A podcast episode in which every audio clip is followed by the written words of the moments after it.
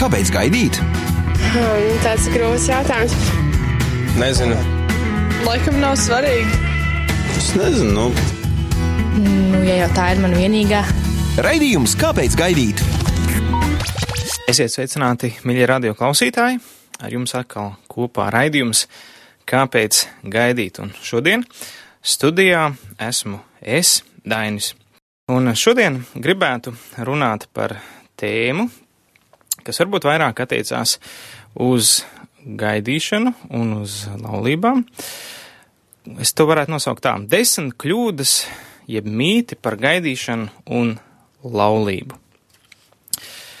Tā tad uh, ir mūsdienās, nu, ir, ir jau īsti mīlestība gaida, jau nu, gandrīz kāds desmit gadus darbojās, jau vairāk kā desmit gadus.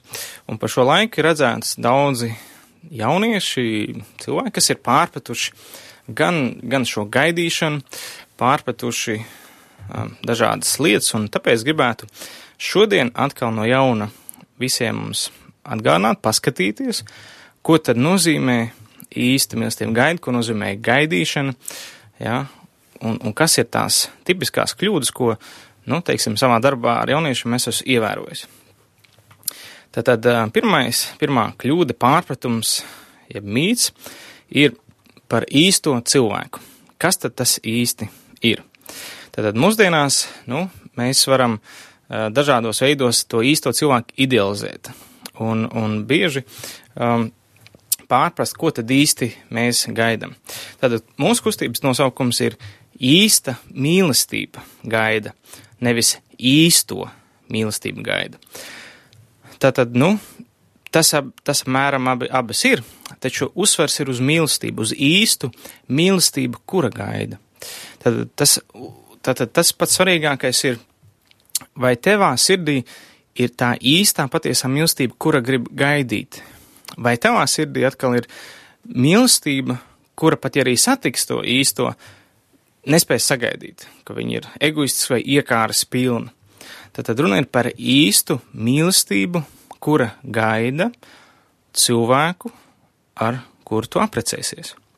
Tad, uzsvers ir nevis uz to īsto cilvēku, bet uz īsto mīlestību. Un līdz ar to, vai tev ir tā īstā dieva dotā mīlestība, vai viņa pietiekami šķīsta un tīra, lai tu sagaidītu to cilvēku, ar kur tu apprecēsies. Līdz ar to nav tik ļoti svarīgs šis uzsvars īstais cilvēks, jo redziet, uh, bieži vien cilvēki apmēram ar jauniešu iedomājas tā. Ja es satikšu īsto, tad viss beidzot būs kārtībā. Jā, taču tajā pat laikā uh, šis vārds īstais negarantē uh, to, ka jums attiecības būs kārtībā. Nu, piemēram, uh, nu, teiksim, Jēzus ir, ir nu, perfektākā personība visā universā. Viņš ir mīlestības pilns, taisnīgs un, un, un viņš ir īstais, jā, teiksim tā, visos standartos. Bet daudziem cilvēkiem joprojām ir draņķīgas attiecības ar viņu. Tad problēma nav, cik ideāls ir tas cilvēks, problēma tajā, cik pat, par, patei, par, pareizas attiecības man ir ar to īsto cilvēku. Cik tā ilst, mīlestība, kas manā sirdī ir pret viņu, ir, ir patiesa, dievišķa, šķīsta un tīra. Ja. Un tāpat, kam saka par īsto, nu, teiksim tā, tad, kad mēs aprecamies, tad mēs varam teikt, viņš ir mans īstais, jo līdz tam viņš ir tikai potenciāls īstais. Līdz ar to bieži vien mēs varam iekrist tādās lamatās, o, viņš ir mans īstais, es jau esmu sapratis no Dieva, un, un cilvēki jau vairs pārstāja turēt robežas un, un iekāp laulības pārkāpšanas grēkā. Savukārt viņš nav īstais, kamēr Dievs nav svētījis un nodalījis. Un, un tāpēc ir ļoti, ļoti svarīgi apzināties līdz kāzām, ik viens cilvēks ir tikai potenciālais īstais, jeb kandidāts uz īsto. Bet par īsto, jeb to vienīgo, viņš kļūst tā, ka jūs tiekat salauzāti. Līdz ar to ir, ir svarīgi atkal no jauna saprast, ka nav tik svarīgi tas īstais, bet tā īstā mīlestība.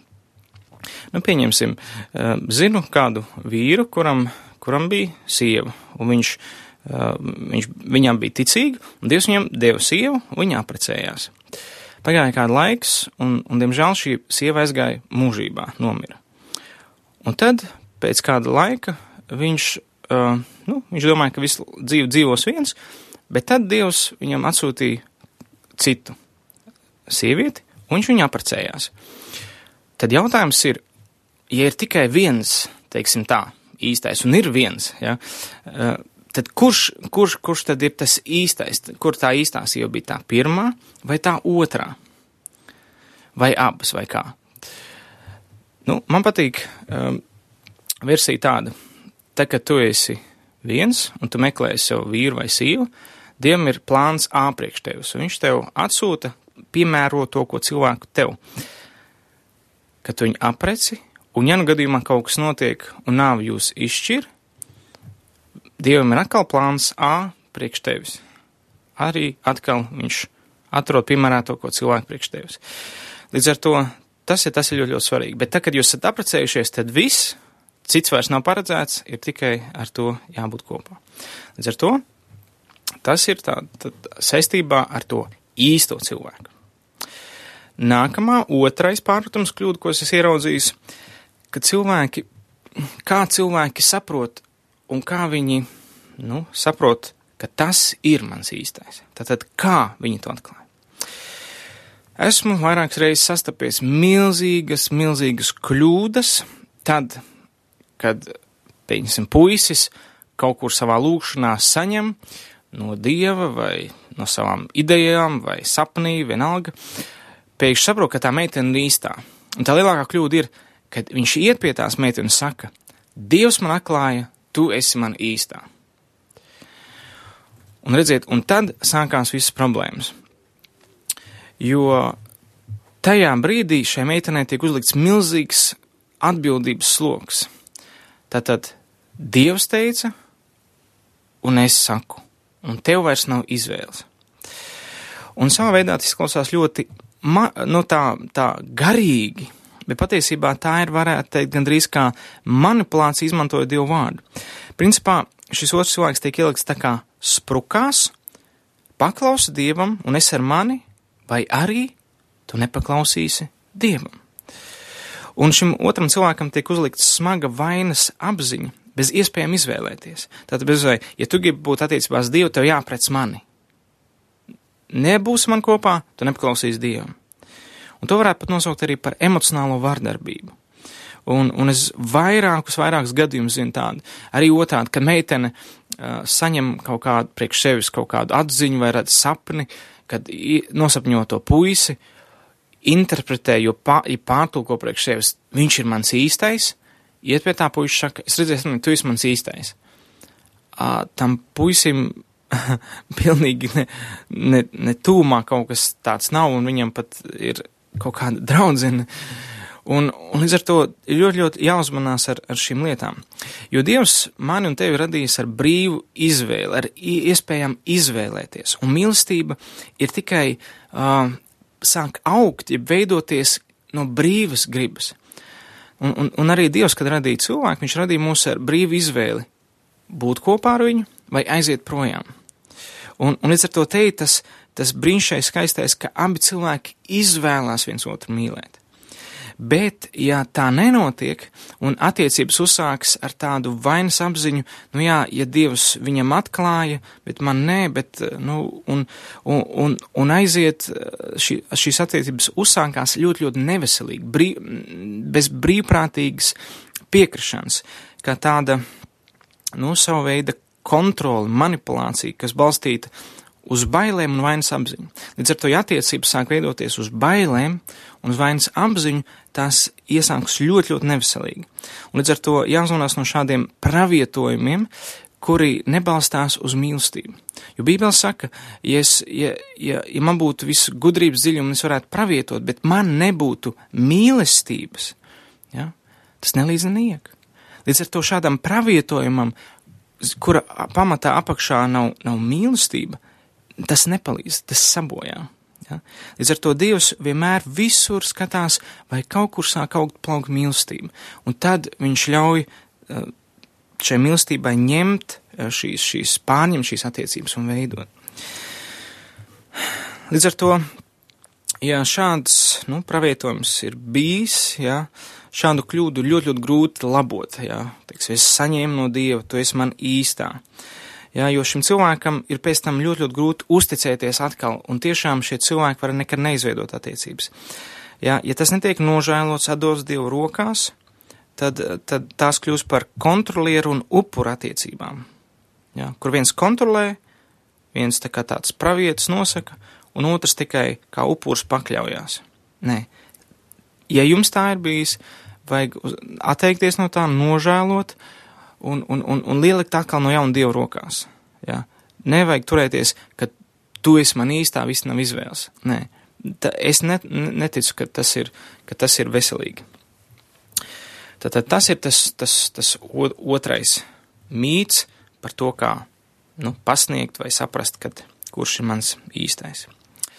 Trešais mīts, ko es eh, redzēju salīdzinot ar mm, skatoties uz attiecību veidošanu un gaidīšanu, ir par dāvanu būt vienam.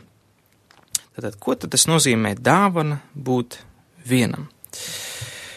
Nu, mēs varētu izlasīt no Bībeles 1. korintiešiem 7.7, kur Pāvils par mm, tieši šajā nodaļā ļoti daudz par to runā. Tātad no svētiem rakstiem Pāvils, kurš bija viens, kurš saka, ka viņam bija dāvana būt vienam.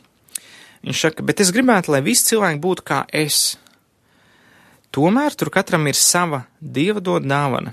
Vienam tāda, otram citāda. Bet neprecētiem un atraitniem saku, ir labi, ja tie paliek tādi kā es. Bet, ja tie nevar atturēties, tad lai dodas laulībā. Tātad viņš runā par to, ja ja cilvēks spēj sevi kontrolēt, un viņam var, varētu teikt, ir Dieva dāvana, bet tajā laikā es ticu, ka to var arī, nu, Dievs palīdzēt attīstīt, uh, tad palikt neprecētam. Bet, protams, konteksts šeit ir par vajāšanām. Tad, Pāvils raksta to laikā, kad bija kristiešu vajāšanas, kad vajāja, uh, nu, teiksim, cilvēkus par viņu ticību, Viņš saka, labāk ir palikt vienatnē, nekā dibināt ģimeni, jo tad, tad ir uh, nāk līdzi daudz vairāk problēmu. Tad tu nebaidies tikai par savu dzīvību, bet par savu dzīves draugu un par vēl par saviem bērniem, ja tev ir bērni. Bet kāpēc Pāvils tad ieteica šajā vajāšana laikā, nu, tad, tad uh, atturēties? Tad viens ir uztraukumā par ģimeni. Otrā lieta, viņš, mēs varam šo atbildi lasīt 1. korintiešiem 7.32, bet es gribu, ka jūs būtu bez zūdīšanās. Neprecētais rūpējas par tā kunga lietām, kā patikt tam kungam, bet precētais rūpējas par pasaules lietām, kā patikt sievai. Viņa sirds ir dalīta.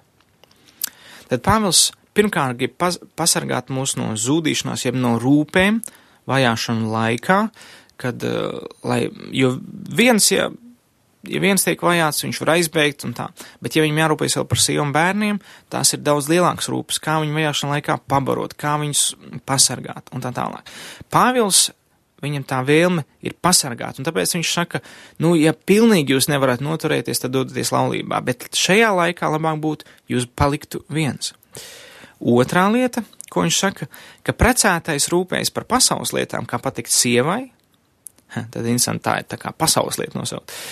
Un, un viņa sirds ir dalīta, bet neprecētais rūpējas par tām kunglietām. Tad viņš saka, tas, kurš nav precējies, viņš var vairāk laika veltīt dievam, vairāk viņam kalpot vairāk būt kopā ar Dievu.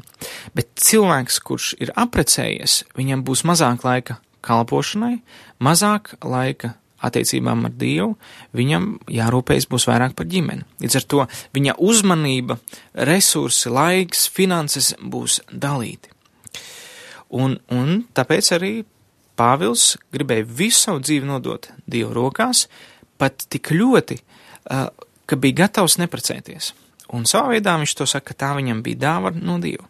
Taču tajā pat laikā viņš arī saka, nu, ka Dievs viņam ļauj precēties, ka tas nav tā kā aizliegums. Ziniet, mūsdienās kādu uzliek aizliegums nedoties laulībā. Nē, pat Pāvilam Dievs atļāva doties laulībā. Kā mēs to varam redzēt? 1. korintiešiem 9.5. Viņš saka, vai mums nav tiesības kādu māsu ņemt par sievu un ar to kopā ceļot, kā to dara citi apstuļi, arī tā kunga brāļi un kēfa. Tad Pāvils saka, vai tad man Pāvilam nebūtu tiesības aprecēt kādu sievu? Mierīgi. Viņš to var darīt. Tāpat kā to dara Pēters, Jēzus mācekļi un pārējie Jēzus brāļi. Viņi aprecēja, gāja, sludināja. Ja? Līdz ar to Pāvēlam bija tiesības precēties, bet viņš izvēlējās pieņemt šo dieva dāvanu, ka viņam bija pietiekams spēks palikt vienam, un viņš izvēlējās palikt viens, lai kalpotu dievam. Līdz ar to bieži vien dāvana būt vienam mēs interpretējam kā, nu, ka tas ir kaut kas pārdabisks, kas, kas, nu, kas ir ļoti, ļoti, ļoti reti. Taču tajā pat laikā mēs varam pastīties arī no otras puses par, par dāvanu būt divatā. Nu, Salmām pamācībās 18.22 teikts, kas atrod sev laulātu draudzeni, tas atrod sev tiešām ko labu un var līksmoties, ka žēlastības dāvanu dabūjis no tā kunga. Tātad sieva ir kā dāvana, ko mēs saņemam no Dieva, tā kā žēlastība, ko saņemam no Dieva. Tātad būt, saņemt no Dieva sievu ir dāvana. Tas nozīmē arī, ka laiks bez sievas arī ir kā dāvana. Tad tas nozīmē, ja Dievs tev nav uzdāvinājis otru cilvēku, viņš tev ir uzdāvinājis laiku būt vienam. Un par dāvanām parasti mēs taču pasakamies. Vai tu esi pateicies par to laiku, kas tev ir tagad vienatnē? Jo, ja tu nemāki izmantot šo laiku vienatnē, tad tu, tad tu ļoti daudz balsties uh, un pazaudē šo laiku, kas tev ir dots, un balsties uz kaut kādu nu, re, re, nereālu uh, sapni, ka tad, kad tev būs otrais cilvēks, tad tavs īstais laiks sāksies. Nē, mēs dzīvojam šodienai, un tu dzīvo tagad.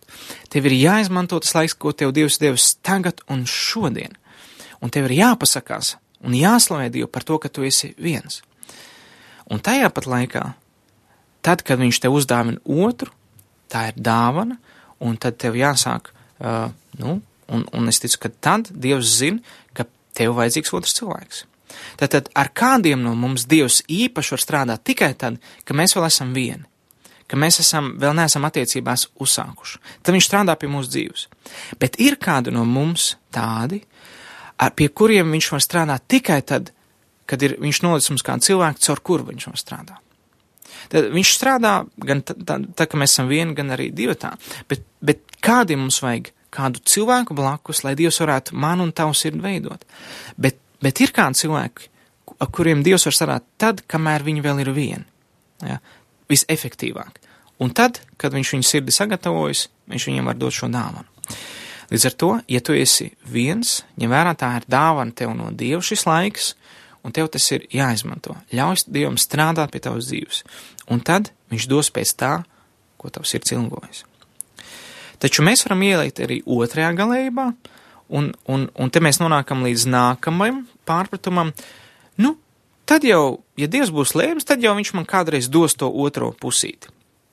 Redziet, Bībele tomēr diezgan skaidri saka, piemēram, Lūks 11.9. Lūdziet, tad jums taps dots meklējiet, tad jūs atradīsiet, klauvējiet, tad jums taps atvērts. Jo ir katrs, kas lūdz, dabū, kas meklē, atrod, kas klauvē, tam atvērs. Tātad, Bībeles kā saka, ja tu gribi ko iegūt, dabūt, lūdz to no Dieva. Līdz ar to Bībele saka, ka mums ir jālūdz, un bieži vien uh, es pamanīju jauniešu, kas pat ne, nu, saka, ai, nu, ja Dievs gribēs, tad viņš man dos to otro. Jā, izklausās pat ļoti garīgi, ja? bet jautājums, vai, vai tas ir tiešām saņemts ticībā, vai tas ir vienkārši tāds, nu, nu tāda sava veida pat vienaldzība, ka pat īstenībā tu nemaz negribi to otru cilvēku. Ko es to gribu pateikt? Ir brīži, kad mēs lūdzam Dievam pēc otra cilvēka, un, un Dievs mums var dot atbildi mieru. Tavā sirdī pēkšņi parādīties miers, un tev atnāk pārliecība un ticība, ka būs laiks, kurā viņš tev dos. Un tā ir atbildēt Dievu lūgšana. Un tad, jā, tad principā Tu vari arī daudz nelūgt, lai Dievs tev dod, tu vienkārši vari lūgt par šo cilvēku, lai Dievs viņu pasargā un, un, un, un sakārto to laiku, kad jūs tiksties un veido tevi. Bet tajā pat laikā, ja, ja tu nemaz nelūdz par to, ir jautājums, vai tu vispār gribi to otru cilvēku. Un ir brīži, kad uh, mūsu kristietība arī var ienākt tāda ideja kā fatāliska, fatāliska lūkšana, jeb tādas fatālisma domāšana. Ko tas nozīmē? Tad, tad no latīņu valodas tas ir, uh, ir, ir vārds liktenīgs, fatālis. Tā ir ticība iepriekš noteiktam nenovēršamam liktenim, dieva gribai. Un fatālisms cilvēks padara pasīvus un padavīgus. Nu tā tad. Pieņemsim, nu, redz, ka cilvēks ir apslims. Un tu zini, ka Bībelē saka, lai mēs lūdzam par slimajiem. Un tu saki, nu, ja Dievs gribēs, Dievs viņu dziedinās. Jā, bet tajā laikā tava lūkšana var izmainīt tā cilvēka stāvokli. Un tieši tāpat arī varbūt ar, ar īsto cilvēku. Jā, ja tu, ja tev ir pārliecina ticība, ka Dievs tev dos bez tām lūkšanām, labi, tev notiks pēc tavas ticības. Bet, bet tajā laikā tas, lai neataisno tevi, nelūgt par to cilvēku. Tu vari izlūgt, tu vari pasargāt, pasargāt šo cilvēku no krišanām. Līdz ar to tev nevajag uzņemt tā tik vienprātīgi, nu, ja Dievs gribēs, viņš viņu pasargās. Nē, mēs dzīvojam kārnām pilnā pasaulē. Dievs ir darījis visu, lai cilvēku pasargātu, bet pašam cilvēkiem paliek izvēle sargāties vai nē. Līdz ar to es tev iedrošinu lūgt par savu otru cilvēku, kamēr tu viņu neesi saticis, un, un, un pat ja arī tu esi saticis, lūgt, um, lai viņš neiet greizi, lai, lai viņš kaut kur neiemetas grēks, lai jūsos no kārdinājuma. Tātad nekas pats par sevi tā nenotiek. Visu laiku ir cīņa, garīga cīņa par tavu, tavu cilvēku, ko Dievs tev ir paredzējis, par tavām attiecībām. Ir svarīgi visu laiku lūgt. Un, un līdz ar to nevajag vienkārši tā vieglprātīgi uzturēties pret lūgšanu. Ja? Līdz ar to, tā, kad tu sāc lūgt pa otro pusīti, tu savā veidā dod Dievam atļauju darboties. Jo Dievs gaida uz mums, viņš saka, lūdziet, tad jums, tad jums taps dots. Un līdz ar to lūdz Dievam, Dievs, atved man īsto pusīt, īstajā laikā, sagatavo man sirdi un sargā viņu no visļauna. Ja?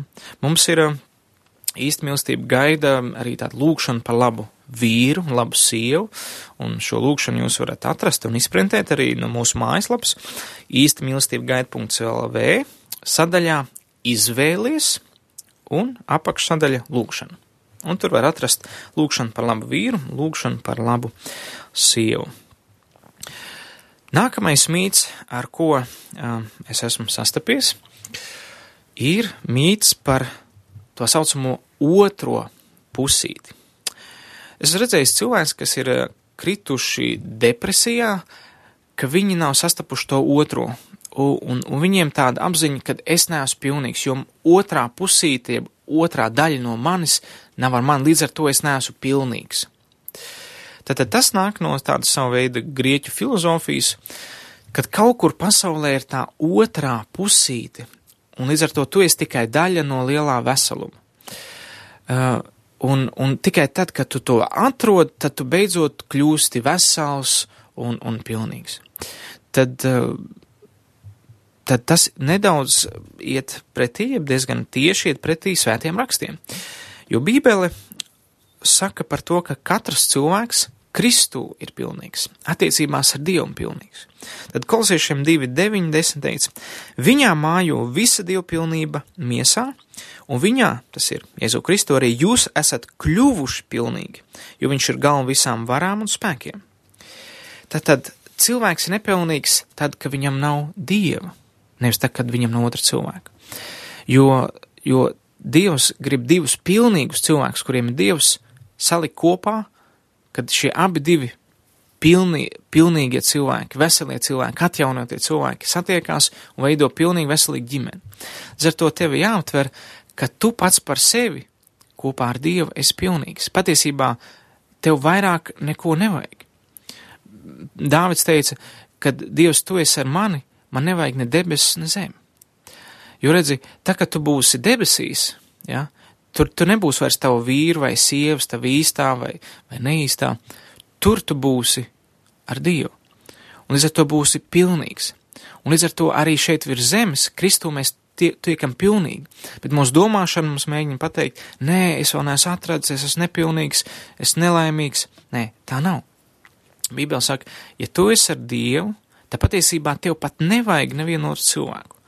Bet, ja tomēr tu redzi, kad, um, ka tev ir šīs vēlmes, un ka tu tomēr tici, un tev ir tāda pārliecība, un, un, un, un kad, kad ir vēlme dibināt ģimeni, jā, Dievs tev arī dos, un tā būs uh, viņa dāvana tev, jā, un tev ir svarīgi šo dāvanu pareizi izturēties. Līdz ar to būtībā mēs varam būt pilnīgi arī, ka esam vieni. Ja. Bet tomēr Dievs arī ir aicinājis un paredzējis, ja ir ģimene, tad tā arī ir no Dieva. Līdz ar to būt vienam ar Dievu vai būt kopā ar kādu cilvēku, abas ir brīnišķīgas lietas. Taču arī, ja tev nav otrs cilvēks, tu tāpat esi pilnīgs Kristu.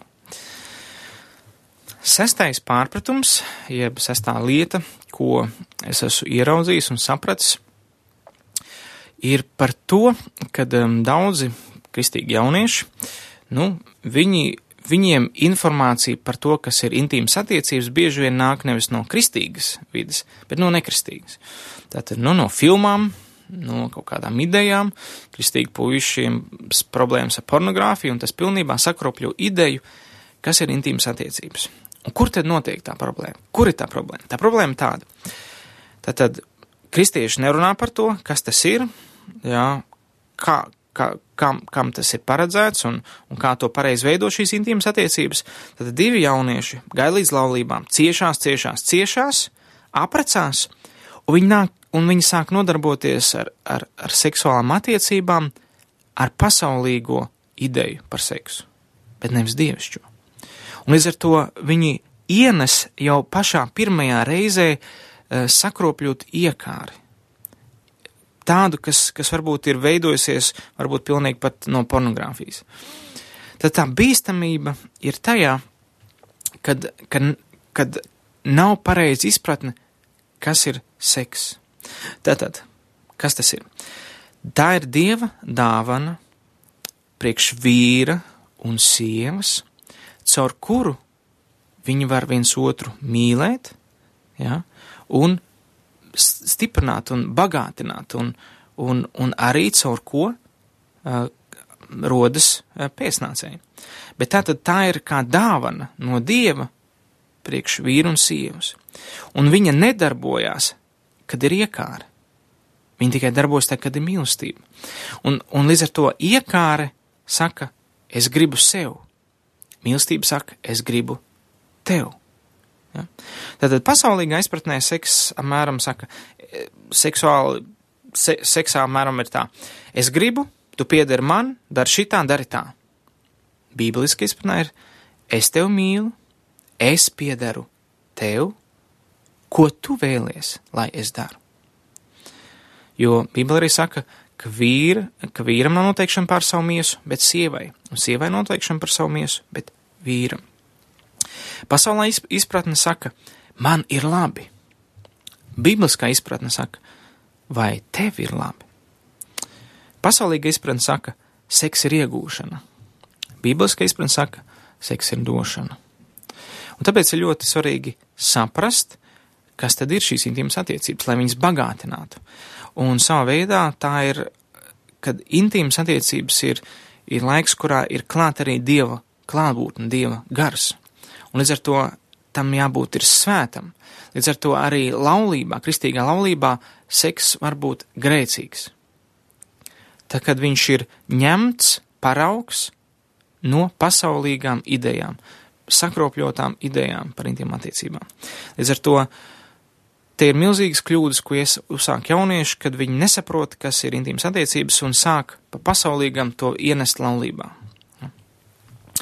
Septītā lieta jeb pārpratums un kļūda, ir es saticis, ka cilvēki, kuri, nu, jaunieši satiekās, viņi baznīcā, iet vai, kā, vai viena meitene iet baznīcā, vai puisis iet baznīcā, un viņiem sāks attiecības, un viņi uh, pārkāpj tās robežas, un, un tie pārējie par to zina, un viņi saka tā, tā ir mana privātā lieta. Nevienam nav tiesību iejaukties manā privātajā dzīvē, līdz ar to jūs nevarat man noteikt, ko man darīt, ne ar savu seksuālo dzīvi.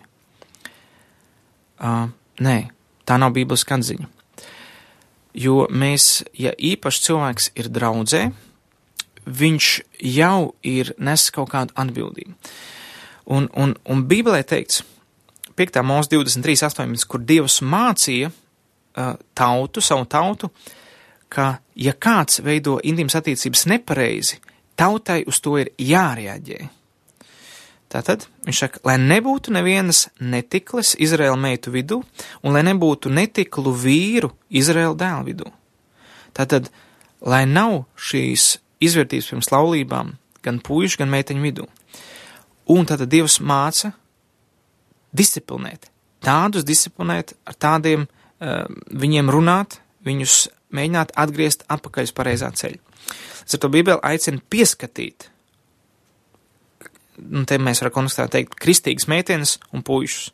Līdz ar to, ja tu esi kristīgs un tu nodarbojies ar, ar nepareiziem intīmām attiecībām, ir tiesības jebkuram tavam brālim, māsai Kristu iet tev un norādīt, un Dievs to viņam pavēla.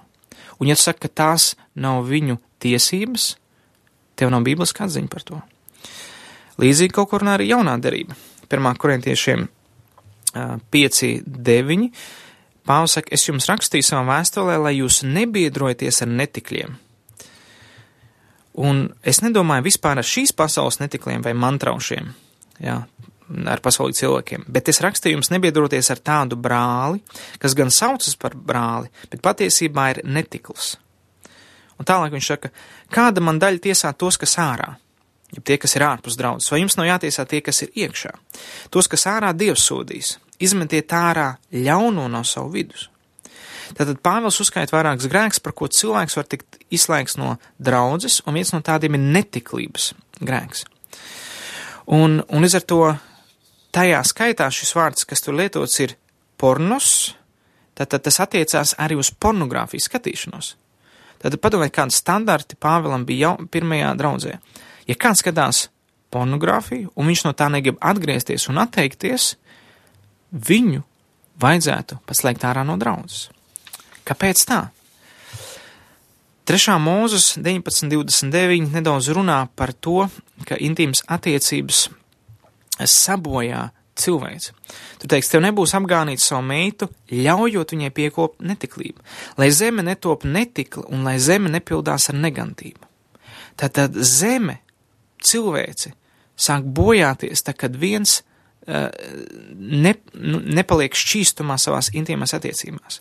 1. korintiešiem 3.16 teikts, vai jūs nezināt, ka jūs esat Dieva nams un ka Dieva gars jūsos mājo?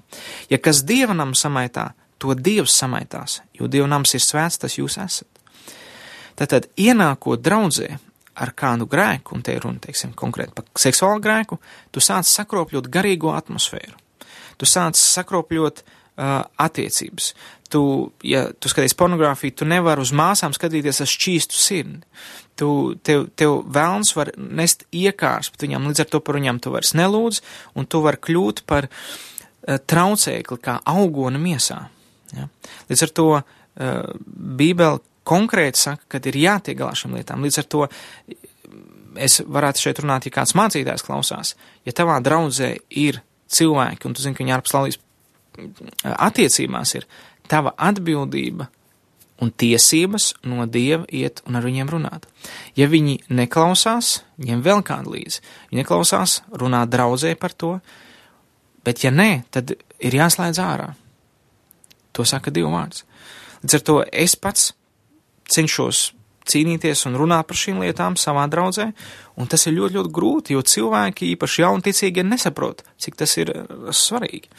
Bet katrā gadījumā Tātad, ja tev ir nepareizi intīmas attiecības, citiem Dievs dod tiesības nākt pie tevis un runāt. Līdz ar to nepārmet viņiem, ka viņiem nav mīlestība. Jo Dievs tevi mīl un viņš sūta tev glābšanu no tavu grēku. Astotā lieta, kas, kas ir kā pārpratums, ka jaunieši saka, kad galvenais ir nepārgulēt līdz laulībām, pārējās robežas ir mūsu ziņā. Pirmā korintiešiem 7, 8 teikts, bet neprecētiem un atraitniem saka, labi, ja tās paliek tāda kā es, bet ja tie nevar atturēties, tad lai dodas laulībā, jo labāk ir iedoties laulībā nekā kaist kārībā. Un šie vārdi kaist kārībā, tas nozīmē no orģināla valodas uh, ir labāk salauzāties nekā degt. Un, redzi, un, un, un tā seksualitāte mūsos ir kā tāda uguns. Un, un viņa, viņa deg, viņa, viņa, ir, viņa, ir, viņa ir tāda, kas, kas mūsu kārība var sadedzināt, šī kaista mūs var sadedzināt. Un līdz ar to atbildība ir šo uguni neuzkurināt par ātru. Un līdz ar to intīmas attiecības jau ir ugunskurs, jā, jau viss deg, tas jau pavēlu. Viss sākās ar mazām dzirkstelēm. Līdz ar to tas nozīmē, ka ļoti, ļoti svarīgi, ko tu, kādas robežas jūs esat nosprauduši. Tad parasti degšana izraisa nu, tādas lietas kā otra miesas iekārošana, ja, kailums, apzināta kārdināšana, ja ka meitene kārdina puisis vai flirtēšana, intīms pieskāriens, ja, kvēla skūpstīšanās, gulēšana viens otram blakus un tā tālāk. Līdz ar to, ja šīs lietas tev liek kaist kārībā, jeb dedzina tevi, tad labāk tās nedarīt. Bībele arī saka, ka tas viss nāk no mūsu miesas, tā ir miesas kārība. Ja? 1. Jāņa 2.16. Jo viss, kas ir pasaulē, ir miesas kārība, acu kārība, dzīves lepnība. Tas nav no tēva, bet ir no pasaules. Tātad Dieva standarti arī pirms laulībām ir nav mainījušies. Šak, ja tu dod savai miesai vaļu, tu, tas, tu neļauj svētam garam jūs svētīt un tuvināt. Līdz ar to tas nav no Dieva.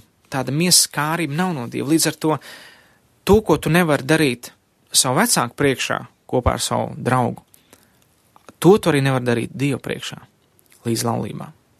Nu, to vajadzētu tā ņemt vērā. Un līdz ar to daudzi pārāk iekaistot kārībā sabojā, sabojā daudz lietas. Devītā lieta ir tas, ka cilvēkiem ir nepareizs pārpratums, ka seksuāla pieredze ļoti svarīga. Jo, ja nu mums nesanāks, mums obligāti jāpamēģina pirms tam.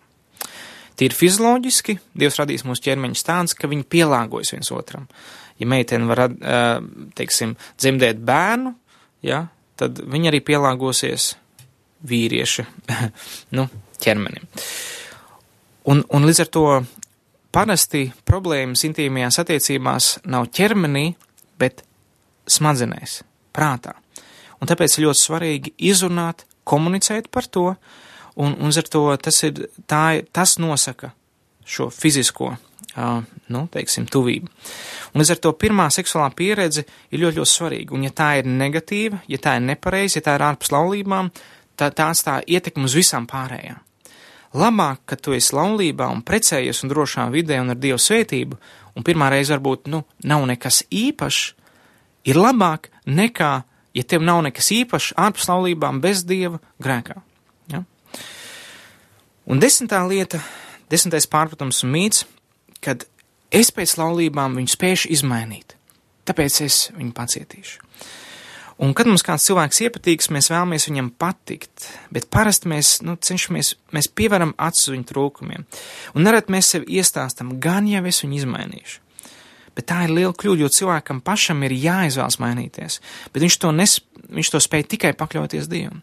Līdz ar to te ir liela bīstamība, kad ticīgs cilvēks sāk veidot attiecības ar neticīgu. Saka, nu gan jau viņš nāks pie Dieva, gan jau es viņu izmainīšu.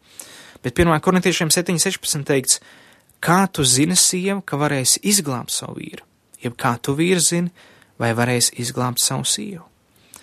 Kā tu zini? Tu nezini. Līdz ar to nesāc doties laulībā, ja tev nav pārliecība, kad viņš ir pakļāvies dievam. Jo te tev būs ļoti, ļoti grūti. Jūs būsiet kā vērši, kas ir iejūgti vienā jūgā, bet viens ies uz vienu pusi, otrs pusi, un abiem būs grūti. Otrā korintiešiem 6.14 teikts: Nevelciet svešu jūgu ar neticīgiem, jo kā daļa taisnībai ar netaisnību. Līdz ar to laulība ir jūgs, kurā jūs esat iejūgt abi. Un pašos pamatos garīgi jūs vairs nesat tad vienoti. Un viens seko dievam, otrs grēkam. Līdz ar to ir svarīgi apzināties, tu nespēsi izmainīt šo otru cilvēku. Viņš pats tikai tad, kad gribēs un lūgs dievam, lai viņš viņu izmaina, viņš sāks mainīties. Un līdz ar to tu nevari otra gribu izmainīt. Tie ir desmit mīti, desmit pārpratumi, ko es esmu ievērojis par gaidīšanu un par laulību iesākumu. Tāpēc es aicinu vēlreiz pārvērtēt, ja tu esi gaidi, pārvērtēt, ko tu gaidi, pārvērtēt visas šīs lietas un uzliec pareizs pamats, lai Dievs tev var sveitīt un dot tev mieru un savu žēlstību, lai Dievs jūs sveitī un ar labvakaru. Šis bija raidījums Kāpēc gaidīt? Klausies to katru otrdienu, pulksten 18,5 minūtēs Latvijas kristīgā radio ēterā vai arī jebkurā tevērtā laikā internetā www.īsta mīlestība gaida LV.